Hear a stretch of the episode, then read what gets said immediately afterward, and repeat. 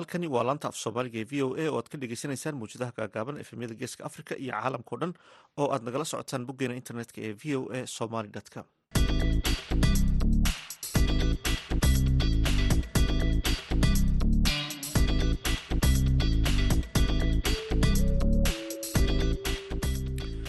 duhur wanaagsan dhegeystayaal waa kowdiyo barkii duhurnimo xilliga geeska africa iyo lixdiyo barkii subaxnimo xilliga magaaladani washington. Waa maalin khamiis ah sideedda bisha sebtembar sanadka labada kun labaiyo labaatanka. Idaacadda duhurnimo ee barnaamijka dhalinyarada maanta waxaa idinla socodsiinaya. Anigoo ah xuseen bare aadan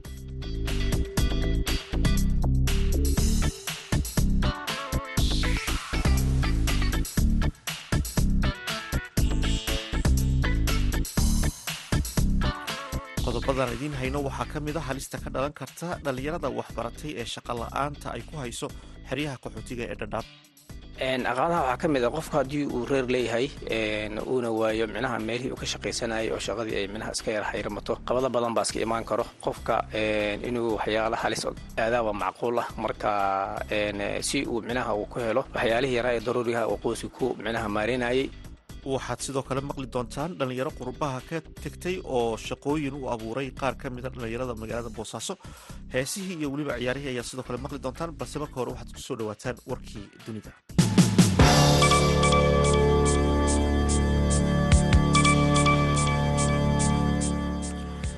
madaxweynaha ukrain volodimir zelenski ayaa sheegay inuu hayo war wanaagsan isagoo ku andacoonaya in ciidamadiisu ay dib ula wareegeen qaar ka mida goobaha ay degan yihiin ama ay qabsadeen ciidamada ruushka. Maalmihii u dambeeyey ayaa waxaa isa soo tarayay warar ku saabsan suurtagalnimada jebinta ciidamada ukrain ee difaaca ruushka ee ku sugan bariga kharkif balse ma jiraan wax hadal ah oo ka soo baxay saraakiisha militariga ee ukrain madaxweynaha ukrain ayaa diiday in uu si cad u shaaciyo meelaha dib loo soo celiyey isagoo sheegay inaanay iminka ahayn xili ku habboon oo la shaacin karo. Dhanka kale saraakiisha maraykanka ayaa sheegay in ukrain ay sameynayso horumar gaabis ah balse la taaban karo oo ka dhan ah duulaanka ciidamada ruushka. Wasaaradda caafimaadka ee falastiin ayaa sheegtay dilka muwaadin falastiini ah oo ay rasaas ciidamada israa'iil ku dileen. Habeen hore albaabka tuulada beytiin ee u dhow raamallah ee bartamaha daanta galbeed wasaaraddu waxay sheegtay in dhinaca israa'iil aanay soo sheegin aqoonsiga muwaadinka ilaa haddana lama garanayo sababta ay ciidamadu u dileen. Dhankooda ciidamada israa'iil ayaa waxay sheegeen in nin falastiini ah uu xalay saqdii dhexe ku weeraray askari israa'iili ah. Dube meel u dhow albaabka laga galo tuulada beytiin taasoo keentay in askariga uu dhaawac fudud ka soo gaaro wejiga. Nin dhalinyaro ah oo dilay waxaana la ogaaday in jirkiisa ay ku taallo mindi markii dambe ee la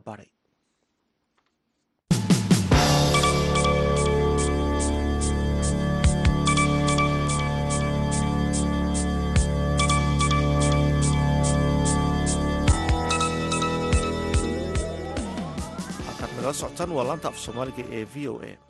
Dhalinyaro badan oo ka baxay jaamacadaha iyo dugsiyada sare ee xeryaha dhadhaab ayaa waxay wajahayaan shaqo la'aan baahsan taasi oo dhalisa in mararka qaar ay ku dhaqaaqaan falal amni darro ah ama halis ah.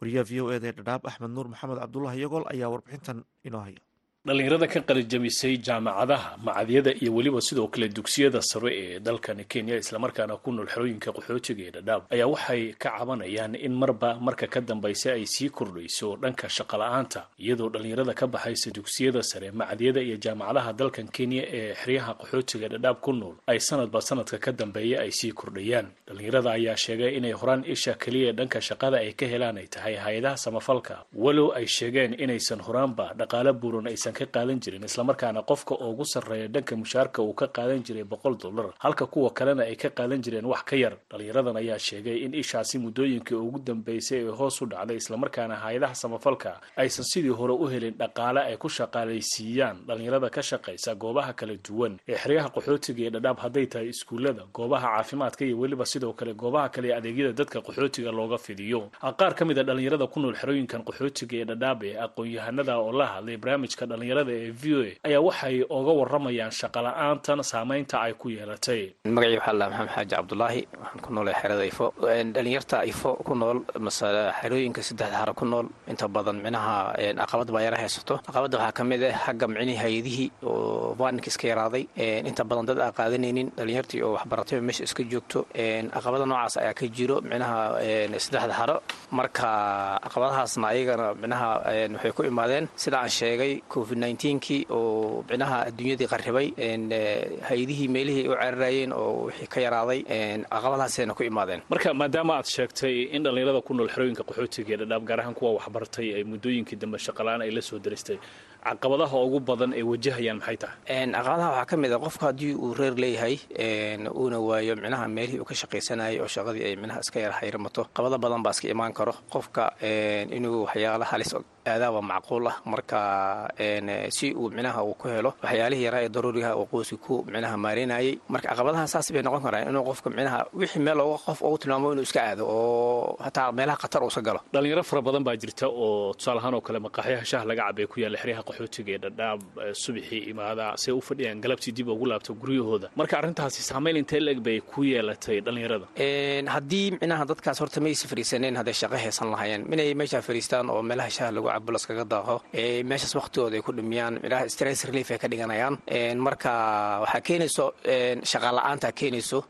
Waxaa macquul xitaa minaha inay haddii minaha dadka inta badan waa muslimiin oo mina imaan bay leeyihiin laakiinse in reerihii kala tagaan baa macquula haddii micnaha la waayo shaqooyinka sida guryihii wixii lagu maareyn lahaa family needski waxyaalihii haddii la waayo macquula in reerihii micnaha lagu kala tagaba marka caqabada noocaas a imaan karo. Horaan dhallinyarada markay ka baxaan dugsiga sare amaba ay macad helaan ama jaamacad ay helaan fursadaha ugu badan ay heli jireen waxay ahayd dhanka hay'adaha samafalka walow taasi ay aad u yareed xitaa dhaqaalahay ka qaadanayaan wax kara boqol dollar uu ahaa. Marka tiina meesha ma ka baxday hadday ka baxdayse maxay tahay saamaynta ay keentay? Niyahow hay'adaha horta inta badan waxban bay bixiyaan wixii uu iska yaryahay. Dadkii waxay barteen iyo waxay qaadanayaan isma qaxootiga. Sidiisa waa qaxootid iska micnaha tawaalaysan. Shaqada inta badanna ayagaa qabtaan wixii ugu yarna ayagaa helo haddana tii iyadoo ay jirto ayaa haddana hay'adihii wixii iska yaraadayba shaqooyinka iska yaraadeenba inta badan marka caqabadahaas baa iska jiro. Dhanka kale waxaa jira dhalinyaro wax ku bartay xeryaha qaxootiga ee dhadhaab oo sidaad sheegtay markay shaqo ka waayeen xeryaha dib ugu laabtay soomaaliya si ay shaqooyin ooga helaan. Tiina waxaad moodaa muddooyinkan dambe inay soo afjarmaysa ama sidii hore aysan ahayn.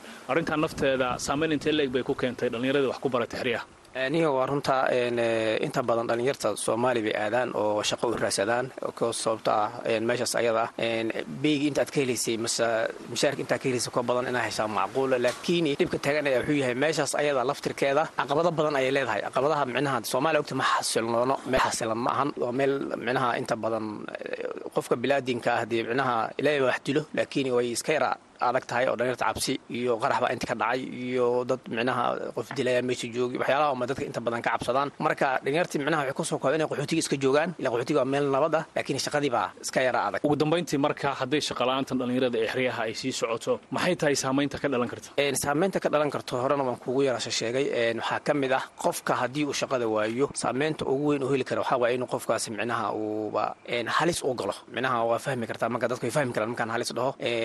Qofka in xitaa hadduusan imaan lahayn inuu waxaday keenaysaaba inuu waxado wax dad laga qaado inuu micnaha meelaha khatarta uu ku biiro sida micnaha soomaaliya hadda wixii ka jiro ogta xaaladooda. Marka xaaladaha sidaas waay. Wallahi waa aad bay u xanuun badan tahay. Waa aad bay u xanuun badan tahay. Ilaahay baa shaqada bixiyo. Dhalinyarta waxaan micnaha ugu boorinayaa in ilaahii la baryo qaxootinima in ilaahay naga saaro oo waddankeen ilaahay nabad nooga dhigo. Aad bay u adag tahay inuu qofka micnaha shaqalaan uu ku noolaada meel asagoo reer leh aabba leh la soo koriyey way adag tahay. Marka alla aan barin magacayda waa shaafici bilow. Waxaan ahay dhallinyarada ku nool xeryaha qaxootiga dhadhaab khaasatan ifo. Haddii aan ka hadlo shaqa la'aanta dhallinyarada haysata ee ku nool xerooyin qaxootiga ee dhadhaab wallaahi ma yara ma yaro. Waxaad arkaysaa nin dhallinyara oo waxbarashadii dugsiga hoose dugsiga sare bogay.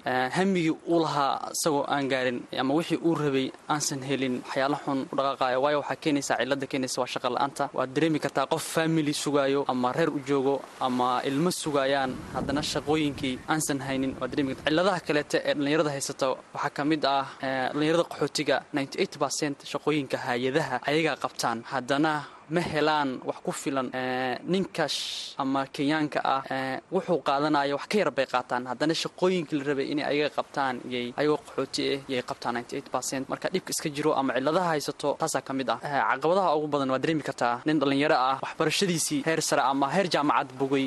Haddana ku soo laabtay inuu dadkiisii ama bulshadiisii wax u taro waxaana ku filnayn qaadanaynin ama laga yaabaa inuu shaqadiiba helin. Waxyaalaha ugu badan ay ku fikrayaan waa waxyaala xun. Nin waxaa arkaysa arkaysaa dhallinyaro ah oo hamigiisa intuu xumaaday markuu wax waayo balwad bilaawayo. Marka cilladda ugu weyn waa dhallinyaradii oo hamigoodii intuu waayey dib u laabtay inay wax sameeyaan sida balwadda qaadka isticmaalaan. Marka cilladaha ugu weyn taasaa keenaysaa xerooyinkan qaxootiga ee dhadhaabo in ka badan lixdan lagu tiriya dadka ku nool inay yihiin dhallinyaro. Ayaa sanad walba dugsiyada sare macadyada iyo jaamacadaha dalkan kenya waxaa ka baxaa dhallinyaro fara badan. Walow muddooyinkii ugu dambaysay ay jirtay shaqala-aan baahsan. Qaar ka mida dhallinyaradan ayaa markii ay shaqooyin ka waayeen xerooyinkan qaxootiga ee dhadhaab waxay shaqo u doonteen soomaaliya. Walow muddooyinkii ugu dambaysay ay dhallinyaradu ay sheegeen taasina inay hoos u dhacday. Axmed nuur maxamed cabdulaahi iyo gol v o a xeryaha qaxootiga ee dhadhaab halkaad weli nagala socotaan waa laanta af soomaaliga ee v o a. Haatanna ku soo dhawaada mid ka mid a heesahan idinku talagalnay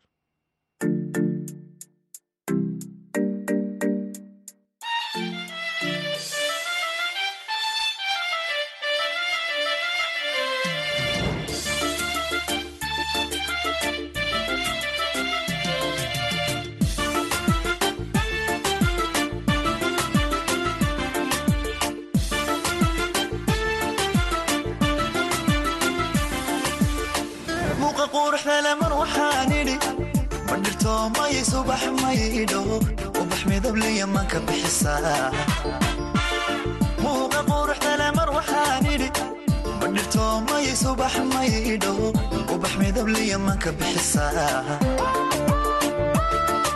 murtideedana mar waxaan idhi maabwaan mudhayoo tiximariyo sheekh muftiyo hool ma jeertaa hool ma jeertaa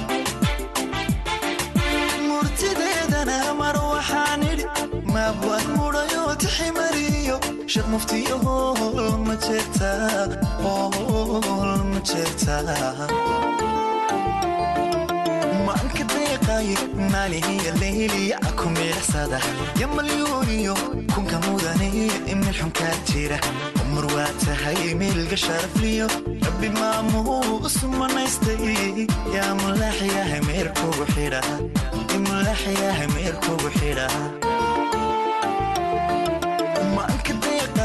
maalihiya leyliya ku miilacsada yamalyuuniyo kunka mudane imil xunkaa jira umar waa tahay meelga sharafliyo rabbi maamuu usumanaystay yaa mulaaxyaha meerkugu xidha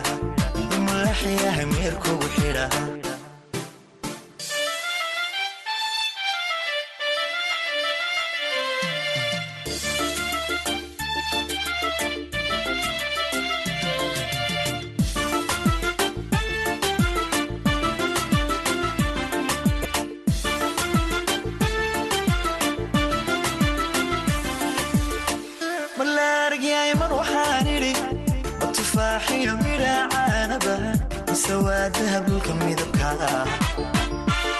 mar laaragyaay mar waxaan idhi ma tufaaxiyo midhaacaanaba mise waa dahabulka midabka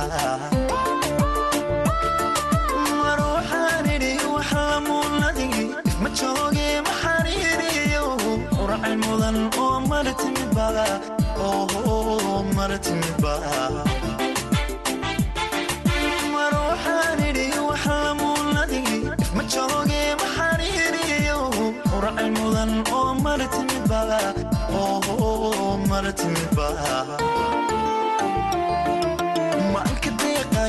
maalihiya leyliya ku miilacsada yamalyuuniyo kunka mudane imil xunkaa jira umar waa tahay meelga sharafliyo rabbi maamuu usumanaystay yaa mulaaxyaha meerkugu xidha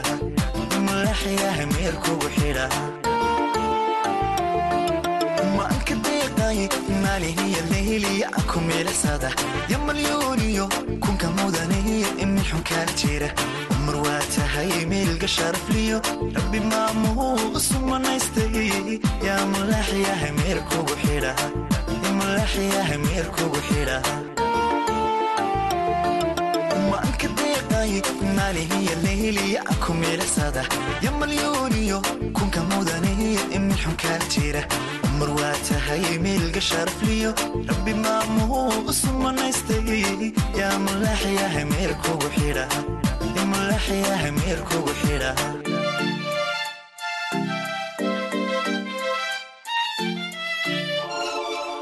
heeskaasi uu nagu luqeynayay fanaanka guuleed simba halkaad kala socoteen waa laanta af soomaaliga v o a oo si toosa idinka imanaysa washington dhalinyaro aqoon-yahano ah oo wax ku soo bartay dalka dibaddiisa ayaa magaalada boosaaso ka sameeyey xarun shaqo u abuurtay qaar ka mida dhalinyarada shaqa la'aantu ay ku haysay magaalada. Injineer maxamed geelle siciid oo ka mid a dhalinyarada furtay xaruntan ayaa uga waramay wariyaha v o eda ee boosaaso yuusuf maxamuud yuusuf horta yuusuf aad baa umahadsan tahay booqashada aad nagu soo booqatay xaruntayada. V o n si gaaraan ugu mahad xaruntayada aan meeshatan asaasnay muhiimada ugu weyn horta aan isleenahay waxa weye wacyiga bulshada tan bedela oo waxaan ku jirnaa community ama bulsho wacyigoodu yahay shaqooyina kan in cid gaara lagu shaabadayo dadka badankoodna ay ka cararaan sida shaqada farsamada gacantii iyo xirfadii iyo labaajadii iyo wixii farsamo gacan ku saabsanayd ama mekaanik ha ahaato ama dab ha ahaato ama labaajaba ha noqote in dad gaara lagu shaabadayo horta waxa ugu weyn ilaa ayaamaha kan hadeer oo feedback aan helayna waxay tahay bulshada nagu dhiirigelinayso arrintan inay wacyigii bulshada iyo xaaladda guud ee bulshada ay bedelayso midda labaad oo ah inaan kor u qaadno xirfadda gacanta ee wadankeena heerka ay joogto oo awal ay ahayd keliya in bir la qaato bir lagu khasaxo hadda aan ka dhigayno inaan la jaan qaadino adduumada waddamada horumaray oo developer countryga ah oo wax walba in by computerized iyo technology lagu xalin karo qaab casriga loo xalin karto iyadoo la safgareynayo oo la dhowrayo waqtigana la dhowrgayo service qualitylana bulshadii la siinayo. Xaruntan aad hirgeliseen waa xarun dhif iyo naadir ku ah magaalada boosaaso in dhalinyaro wax soo barta ay hirgeliyaan. Bal xaruntan dadka fahansii wax ay qaban doonto. Dhowr shaqo baa isku jirta aan qabanayno. Midda ugu horeysa oo ah qaab casri inaan baabuurta ciladooda ogaanayno ciladooda u soo harayno u xalinayno oo dabkii ha noqoto ama mekaanikad ha noqoto. Midda labaad oo ah gaarigii baabuurtii in la labaajeynayo qaab casriyo fiican loo labaajeynayo iyo midda ugu muhiimsan oo barnaamijka ugu weyn oo hadafkii aan u asaasanay oo maskaxdii ka guuxay ahayd oo in ah la tababaro jiilka soo socda oo shaqo loo abuuro. Meesha waxaan markii laga soo tagay inaan meesha qaab business u furnay waxaan meesha ka dhinac furnay. Oon hadda hawsheeda weli ku jirnaayo startigeeda aan ku jirnaa in meesha vocational school laga dhigo oo farsamadii gacanta dadka weliba danyarta ay u baahan in ay helaan xirfad ay daily lifekooda ku badbaadiyaan oo ay ku maciishadooda ku helaan inaan xakan xirfadii ku barno kadibna anagu shaqaabuurka u samayno oo aan anagu job opportunitygii aan u ofargarayno siino.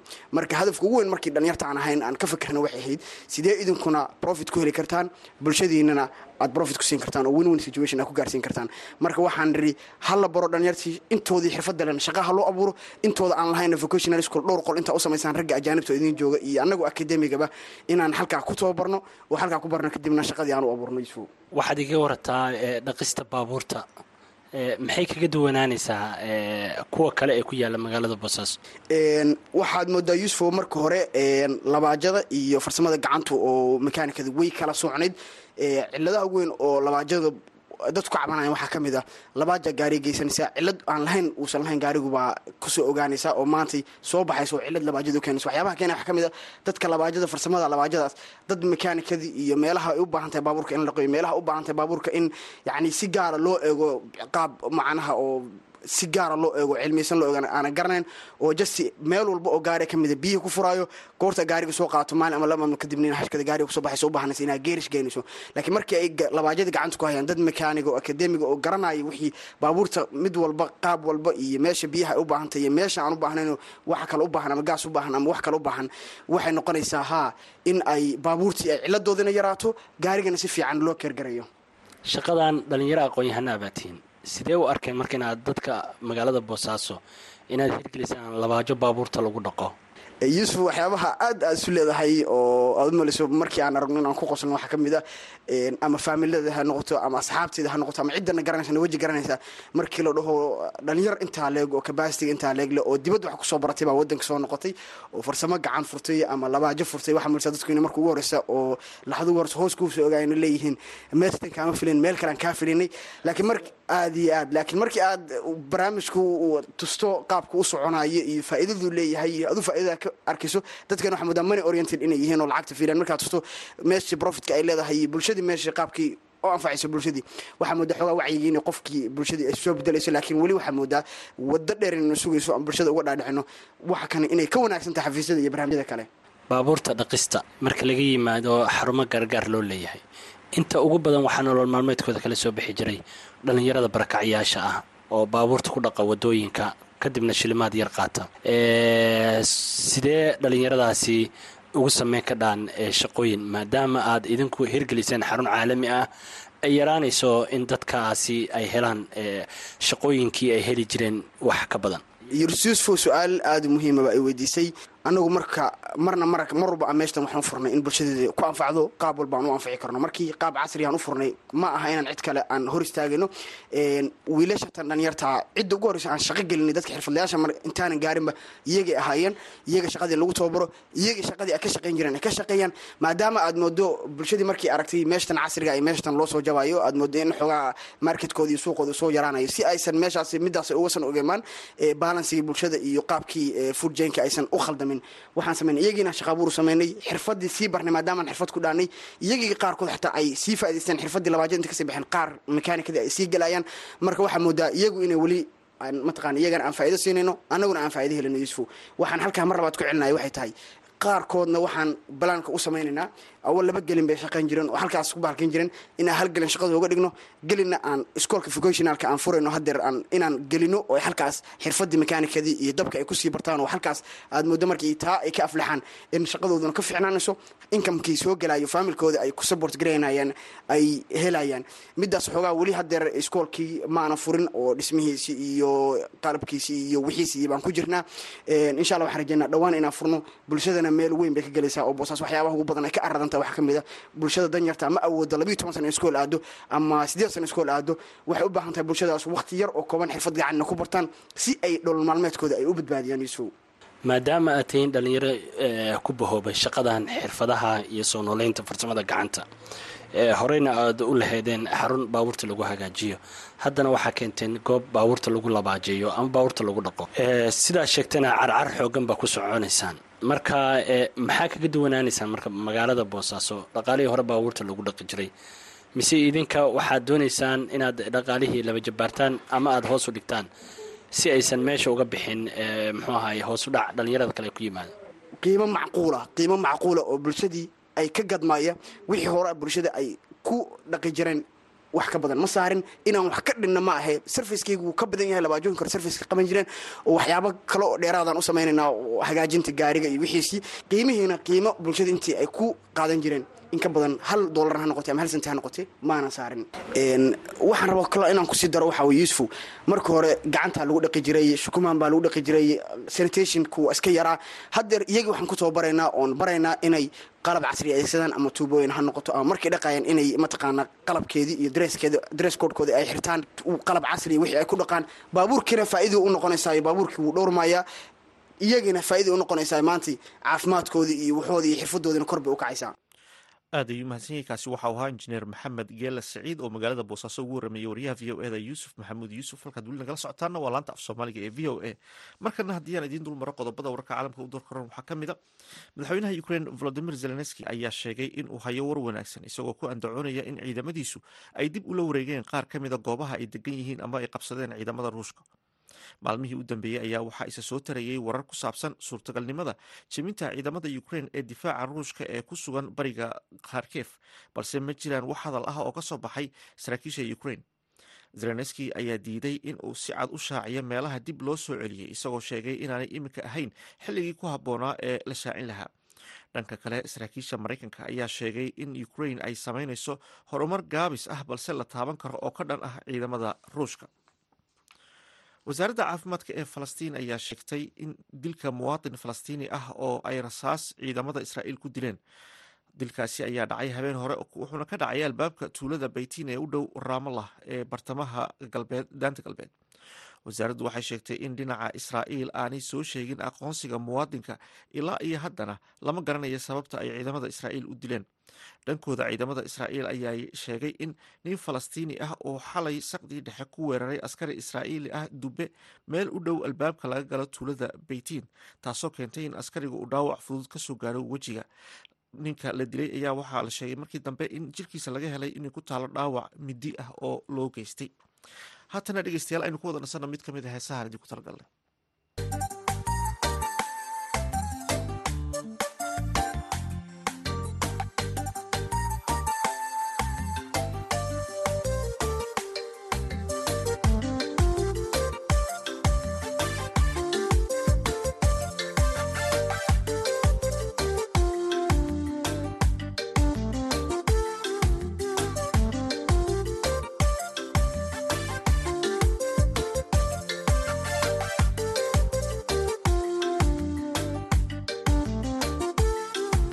qalbi nuuriyay niyadoojiyay nasabiila jirta ay samaynabay xuma ila nacay noloshaydiye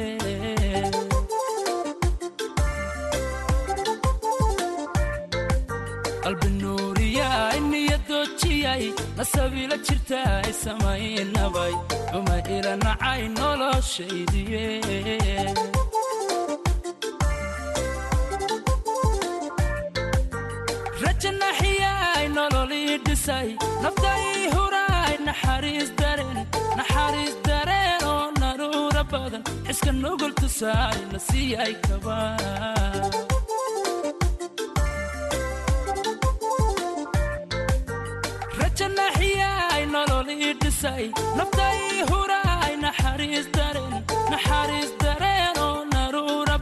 xiska nugul tusaay na siiyay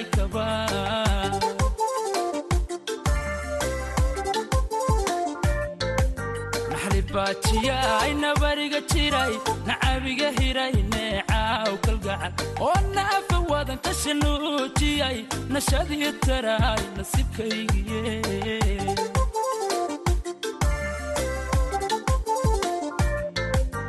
naxlibaajiyaay nabariga jiray nacabiga hiray neecaaw kalgacal.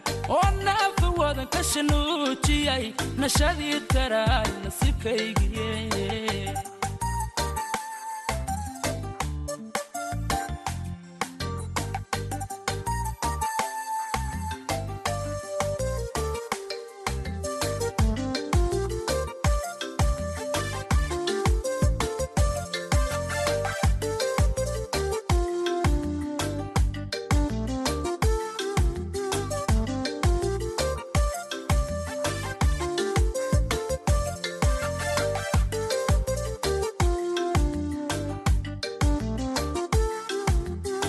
nafideeqdayo nalkay baxay nabad soo bixiyo naqayday kal nadiifiyay nus iga mida.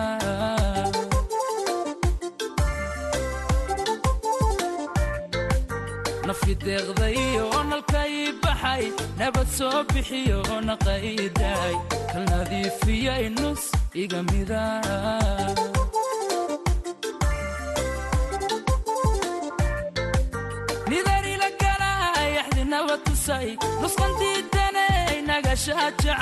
nagashaha jacayl kolba nooc qurxon ku nidaamiyay nasri kaamila.